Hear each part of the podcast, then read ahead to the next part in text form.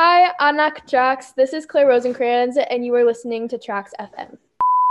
So, who is the backyard boy? I mean, like in your mind or probably in reality, who is that guy? There is not an actual boy in my backyard. Um, mm-hmm. uh, yeah, it was not actually a person, but it was made up from my head.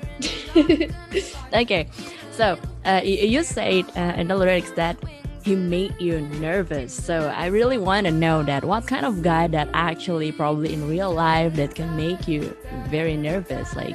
You know, like when you like somebody, sometimes when you're mm-hmm. around them, mm-hmm. you get a little bit nervous because you maybe want to impress them, or you maybe like uh, I don't know. It just like happens, but um, yeah, I don't know. I felt like it fit with it. Like you're driving in the car and then you're kind of like you get a little bit nervous or whatever. It's really corny and cheesy, but um, that was basically that's the song. So yeah.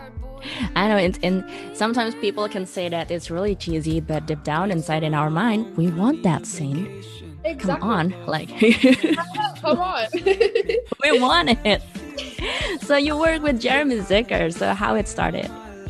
So my cousin, um, he I have no idea how, but he somehow knew Jeremy Zucker, and uh, he made a playlist for Jeremy because he I guess asked for one or something, and then uh, my cousin put my song on it, and Jeremy really liked the song, so um, we ended up FaceTiming, and I got to talk to him, and he's just like a really cool person, so I was super lucky to be able to have him on my song. you started to write your song uh, when you were eight years old, I, I guess. Do you remember the very first song that you wrote that time? What it's all about? Yeah, the first one that I can remember. Um, it was about like I was in Paris or something in a pond with lily pads in like a little canoe boat or something. And I remember I wrote it at my old house and I was like in my room on my bed, like just like I don't know, very um, imaginative, and so that that's the first one that I can remember. I don't know if it. Do you remember the title? No clue. Probably something about to be honest. What is the good thing and the bad thing when you have your dad as your own producer? Mm.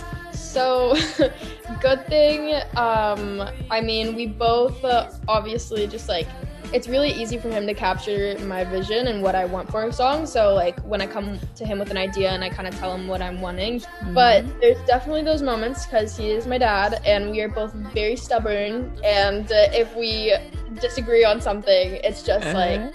I don't know. He's like, I'm never working with you again. And I'm like, fine. And then it's like, but then like five minutes later, we're back in the studio. Have you ever wanted to be, I don't know, something out of music? Probably dancer. You, you do ballet, right?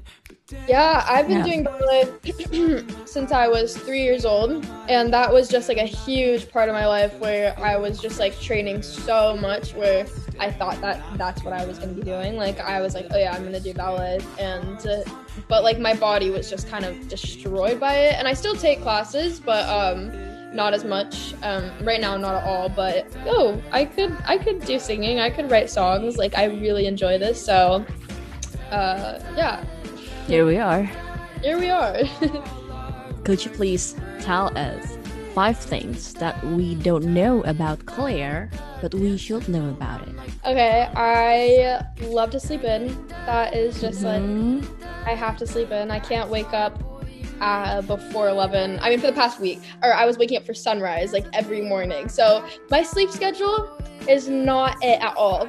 Two, I have three younger sisters. They're all crazy and great, but yeah, they're they're all really fun. So, or whoever sees my Instagram, I love these like sour candy strip things and people like on my instagram will be like when i see you in concert for the first time i'm bringing you a pack of these because they're like my favorite they're so good okay i'm half icelandic because my dad he's full icelandic i want to come to asia mm. so bad that is the first the top of my list. I like don't even know anywhere in Asia, but Indonesia seems dope. Everybody that I've met over Zoom seems so cool. So that is like number one place for me. Awesome! one one more one more one more if you can create a backyard concert and you can invite whoever like the other musician who will be there? What will you do with your backyard concert? All my friends and all my family and i don't know i don't know about artists but I just know that my friends and family will definitely be there. My family is really fun to dance around with and jam out with. Hi, Anak Trax. This is Claire Rosinkranz, and you are listening to Trax FM. Good. Thank you so much, Claire. Uh,